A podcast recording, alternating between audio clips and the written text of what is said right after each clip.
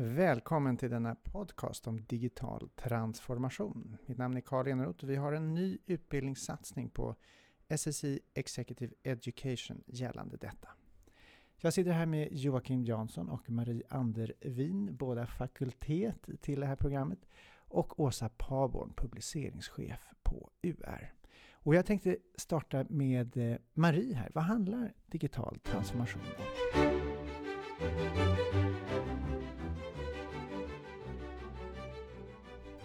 Digital transformation handlar om att anpassa sin verksamhet till en digital värld. Vilket betyder att utveckla organisationens interna förmågor. Att kunna ta emot, förstå, utveckla och leverera nytt värde till marknaden. Och om man pratar om digital transformation, vad betyder själva ordet digital transformation? Jag brukar säga så här att om man tar begreppet digital transformation så är ju eh, det digitala mindre viktigt än transformation. Det vill säga digitalt i form av ettor och nollor och teknik är mindre viktigt än transformationen. Transformation är en stor förändring kan man säga. Eh, och då handlar det om att förändra människor. Då handlar det om att få eh, du och jag och alla i den här organisationen att göra någonting lite annorlunda imorgon än vad vi gjorde idag. Så i grund och botten så är det där det handlar om. Och då har ju ni skrivit en bok om det här, men vi har också Åsa här som faktiskt jobbat med frågorna. Och hur ser du på digital transformation? Ja, men jag håller med det som är sagt, att det handlar om att anpassa organisationen till omvärlden. Och jobbar man med media, och som vi gör då, utbildning och media i public service, så handlar det ju om att eh, jobba närmare användaren. Um, och samarbeta på ett ännu tydligare sätt med användaren och anpassa våra produkter, våra tjänster, våra arbetssätt, vårt mindset till eh, att serva användaren ännu bättre. Vad är det på då? Vad är skillnaden? Det är ett annat mindset som, eh, det är ett annat ledarskap och det är ett annat mindset som krävs för att nå användaren i en digital värld. Från att, att ha varit, eh, som många av våra mediebolag har varit, ett väldigt linjärt tänkesätt. Att vi sänder ut till folket, det är liksom själva broadcast-idén. Vi talar om vad du ska titta på, när du ska titta på det, hur du ska använda det och i den stora tv-bunken eller i radioapparaten. Till att det idag bestäms av konsumenten, av användaren. Så vi har gått ifrån en slags producentmakt till en konsumentmakt vilket totalt förändrar förutsättningarna. Användaren vill bestämma när jag ska konsumera någonting, hur långt det ska vara. Ska det vara bild? Ska det vara ljud? Vilken tid på dygnet? Det är vilken, vilken plattform? Vilken apparat? Är det i mobilen eller är det på en laptop eller en tv-skärm?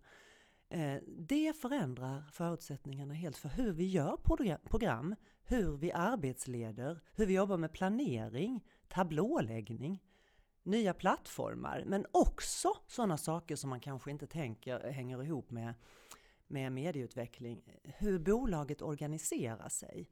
Processer, struktur, eh, hur man jobbar med HR, eh, kommunikation, sociala medier till exempel, som ju är ett sätt idag inte bara att nå användarna, utan också ett sätt att publicera sig på nya vis. Och det, det är så intressant med just det, Därför att där strålar alla våra olika discipliner samman. Webb, eh, tv-produktion, journalistik, innehåll, kommunikation, teknik. Vad är vad? Eh, nej, det kan vi inte svara på riktigt idag. Vad är marknadsföring, vad är innehåll, vad är content? Det finns en uppluckring av begreppen som ställer helt nya krav på, på våra organisationer. Ja, vad spännande, vi ska återkomma till det. Men jag skulle vilja höra också, eh, Joakim, ni har jobbat med en rad olika branscher som underlag för den här skriften ni har tagit fram. Hur, ser, du, ser du paralleller här med hur det har blivit mer konsumentmakt än tidigare? Hur har det här förändrat? Alltså generellt sett så, så ställs ju maktförhållandena blir ju helt annorlunda. Det är konsumenten eller kunden för eh, tidigare kanske var som så att den som sålde någonting hade mycket mer kunskap om man sålde än den som eh, köpte tjänsten. Frågan läkare idag till exempel, när man kommer in och ska ställa diagnos. Ofta är ju patienten mycket mer påläst än vad läkaren är. Och läkaren använder också Google för övrigt, eh, har jag märkt i undersökningar. Lite under skrivbordet sådär, lite parallellt eller? Ja, men faktiskt. Jag läste någon undersökning att 90 procent av alla läkare använder Google.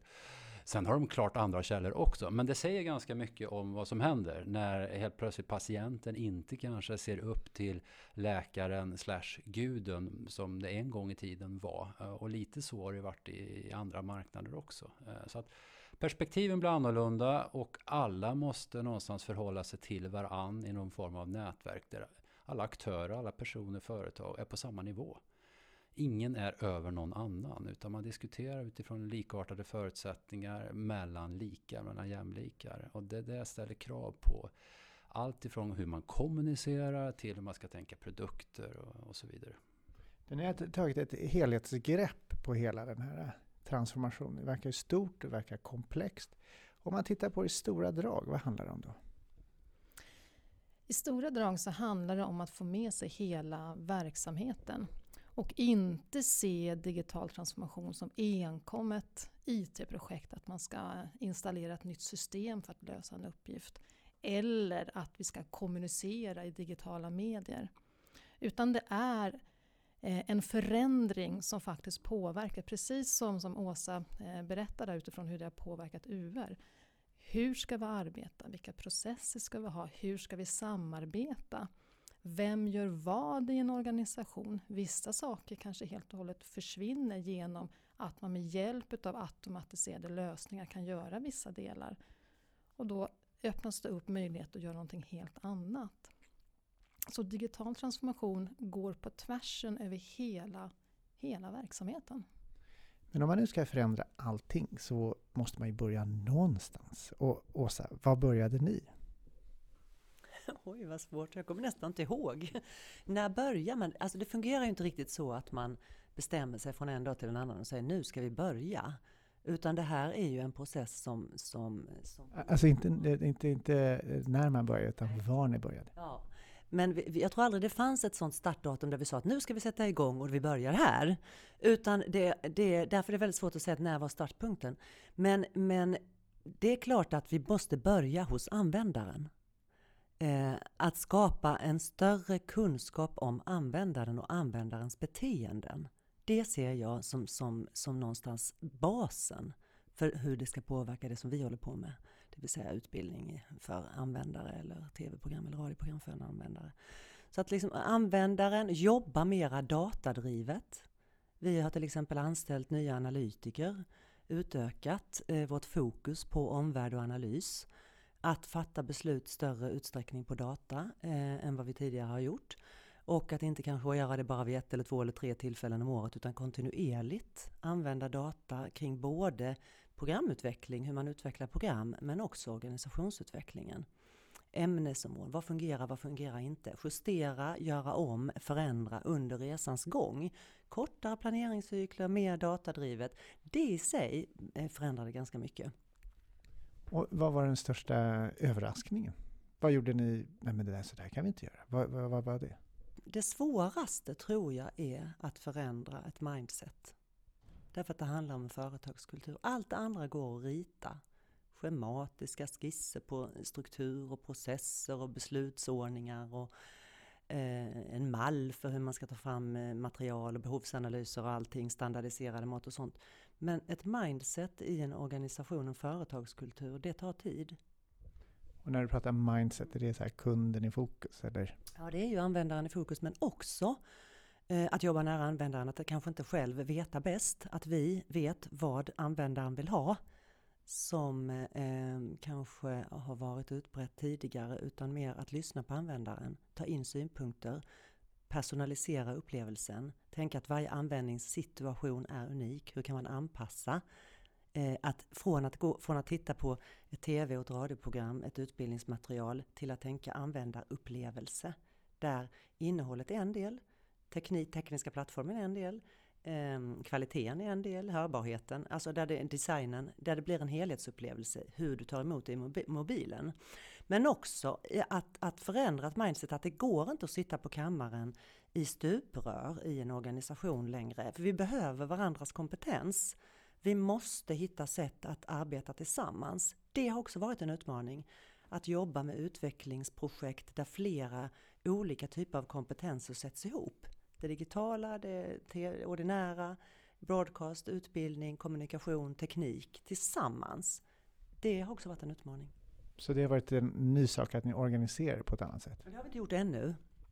Jag tror att det kommer att bli en konsekvens av att vi jobbar annorlunda för att stödja till exempel innovation. Eh, det har vi inte prioriterat på det sättet tidigare. Innovation är inte bara i programutveckling utan i tjänsteutveckling i stort och smått. Ehm, hur kan vi främja det? Hur kan vi skjutsa fram det så att det går fortare? Och genomföra från tanke, beslut till handling. Då kanske vi inte kan jobba på det gamla vanliga sättet med beslutsstrukturer och hierarkier. Så jag tror att det, att det kommer att föda en annan typ av organisation men också innovation. Där vi har identifierat att vi behöver hitta processer som bättre främjar eh, innovation, utveckling än tidigare. Så det handlar om eh, datadriven eh, utveckling. Och vad som återkommer här med Åsa är ju att det är en eh, förändring i mindset. Och Joakim, vad säger du om det? Vad är den stora förändringen vad gäller mindset? Hur kan man tänka på ett annat sätt? Vad är det som driver det? Det är en, eh, en stor fråga kan jag säga. Eh, vi har redan varit inne på några delar. Dels eh, så handlar det om att man i en digitaliserad värld så jobbar man också mycket mer i en globaliserad värld och det betyder också att en förändring i mindset är vem konkurrerar man med? Fortfarande än idag så tänker Aftonbladet på Expressen och vice versa. Och eh, bredvid UR ligger SVT som tänker på TV4 och så vidare lite mindre på Netflix än man borde. Eh, och de stora mediejättarna borde tänka mer på Google och Facebook som konkurrenter än vad de egentligen gör. Och det är en förändring i mindset eh, där man riskerar att eh, vinna slaget men förlora kriget för att man har fel fokus. Och där och då man funderar att det är lite svårt att definiera vem och vilka är våra konkurrenter, då förstår man att förändringshastigheten i branschen har förändrats. Och om man förstår att den har förändrats och att det är svårare att definiera vem man konkurrerar med, då behöver man också fundera på, okej, okay, vilka är våra kunder, vilka, har de, vilka behov har de? Då behöver man bli ännu mer kundfokuserad för att eh, se till att utifrån konkurrenter du knappt vet existerar, vara den som bäst tillfredsställer deras behov. Eh, sen en annan grej som eh, kanske inte så mycket är ett mindset men mer en eh, konsekvens och ett måste som vi menar utifrån boken då som vi skriver att leda digital transformation. Den handlar ju om att det räcker inte bara med att försöka delegera och trycka ner liksom ansvaret längre ner i organisationen utan det måste börja uppifrån. Alltså styrelsen måste vara med på det, VD, ledningsgrupp och längre ner i organisationen och även ledning alla måste jobba parallellt framåt eh, med att få det här att funka. Vi brukar prata om att ledningsgrupper och vd måste, eh, de måste få kontroll så att de kan släppa kontrollen. Just nu är det väldigt många som, den digitala ångesten pratar man ibland om, det är väldigt många som känner att de inte har kontroll. Och då blir de också kontrollerande som, som ledare istället för att känna att de har kontroll och därmed kan släppa kontroll och beslut ner i organisationen också. Så det är en del av en mindset, alltså ledarskapet förändras i grunden. Eh, det finns ett digitalt ledarskap som man pratar om, eh, som fler ledare behöver fundera på vad det innebär. Så man tänker på ett digitalt ledarskap och vad jag hör dig säga är att hur kan vi lära oss att titta runt hörnet? Hur kan man se det som vi inte kan se? Vilket är en, en väldigt svår fråga. Vi har lite av svaret här med, mm. med tanke på att det är datadrivet, vilket skulle kunna hjälpa oss. Men hur ser du på den frågan? Hur lär vi oss att titta runt hörnet? Ja, det är egentligen eh, flera saker. En, en viktig del är ju att, att öka omvärldsförståelsen. Alltså vad är det som sker runt omkring oss? Och då måste vi ju skapa den förmågan i en organisation också. Att kunna se omvärlden och förstå effekterna utav de förändringsvågor som kommer. Vad blir konsekvensen av att ny teknik kommer? Utifrån ny teknik så kommer det komma nya lösningar. Hur påverkar det vår verksamhet? Och när nya lösningar väl blivit etablerade i en marknad, hur påverkar det då beteendet hos våra kunder, de som använder det här? Och hur kommer det i sin tur också påverka vår verksamhet? Eh, så företag måste bli mera, titta mera utanför sig själva och se på alla dessa förändringsvågor. Och, och även på de som inte är konkurrenter? Ja, absolut. absolut. Och utifrån det kunna ta beslut om vad är viktigt för oss, för vår verksamhet utifrån vår strategi och det vi vill leverera till marknaden. Vad ska vi anamma in i vår organisation? Och då kommer vi tillbaka till att det är medarbetarna som är oerhört eh, centrala i organisationen. Det är deras förmåga att kunna hantera det som sker där ute och göra om det till värde. Eh, så att skapa eh, en innovationskultur, som Åsa varit inne på tidigare, är jätteviktigt. Och att skapa en kultur i organisationen som tillåter förändring, att förändras. Ja, det där eh, låter bra och det tycker jag man känner igen att det är så det ska vara. Men vad har gått lätt och vad har varit svårare att göra? Eh, jag har kommit tillbaka till det här. Jag tycker det är jättespännande det här med hur, hur man får med hela organisationen på, på ett förändringsspår. Ehm, och det här digitala ledarskapet, att, att det måste få fäste, att våga släppa kontrollen som du säger också Joakim. Men också att, att någonstans att vi, vi, har varit vana vid en värld där man har investerat mycket pengar, man gör hela planeringsprocessen och sen vips så har eh, tv-programmet premiär i broadcast och det ska ut i skolorna. Och sen kanske visar sig att det är en flopp. Och då har hela liksom linan gått. Så det handlar ju också, det är både mindset, ledarskap och process egentligen. Att fail fast pratar man ju om ibland. Liksom att våga misslyckas brukar vi också prata om. Men jag tänker att det handlar om att lära sig av misslyckandena och se till att de misstagen sker tidigt i processen. Och då kan man inte ha gjort åtta heltimmar för primetime i TV utan att ha testat det på användaren innan. Utan då måste man göra det i början. För annars så kostar det alldeles för mycket av licensbetalarnas pengar. Så att, så att man kan styra om då. Så att misslyckas man också att lära av misstagen. Eh, det är, det är jättesvårt att få till Eh, den kulturen när vi samtidigt har våra slottar i broadcast, vi har våra utbildningsmål, vi har, vi, har, vi har våra redovisningskrav mot staten. Eh, vi måste göra en viss volym och så. Då kan man inte bara säga vi ska utveckla framtidens eh, utbildningsmaterial för skola och public service. Vi får se vad det blir i de här utvecklingsprojekten. Det duger liksom inte heller. Så man måste både kunna vara väldigt flexibla, tror jag, i vissa projekt, ha en, en, en typ av styrning, och långsiktiga och lång, lång, långt, långt femårsplaner liksom för andra projekt. Det är svårt att få de här två perspektiven att gå ihop tycker jag. Eh, och sen är det svårt att, att översätta det som har varit en svensk marknad, svenska läromedel, svenska medievärlden till plötsligt är man ute på, hos en global eh, konkurrensutsatt marknad så fort du lägger ut någonting på nätet. Där hela världen kommer in i mobiltelefonen. Hur ska vi hitta rätt? Hur ska man nå träff hos användaren? Den, det, det finns inget facit på det. Det är bara liksom trial and error tror jag, hur man måste pröva sig fram. Så att man prövar sig fram, det tycker jag låter väldigt tilltalande. Att det inte finns någon, eh, det finns ingen sanning utan den växer fram helt enkelt. Ja. Men om man tittar, ni har ju tittat på ett, ett antal olika exempel genom åren. Vad är det som har fungerat ovanligt lätt? Vad är det enklaste sättet att börja och förändra? Oj, jag höll på att säga ingenting. Eh, alltså det är inte lätt till att börja med. Jag tror inte, men samtidigt ska man...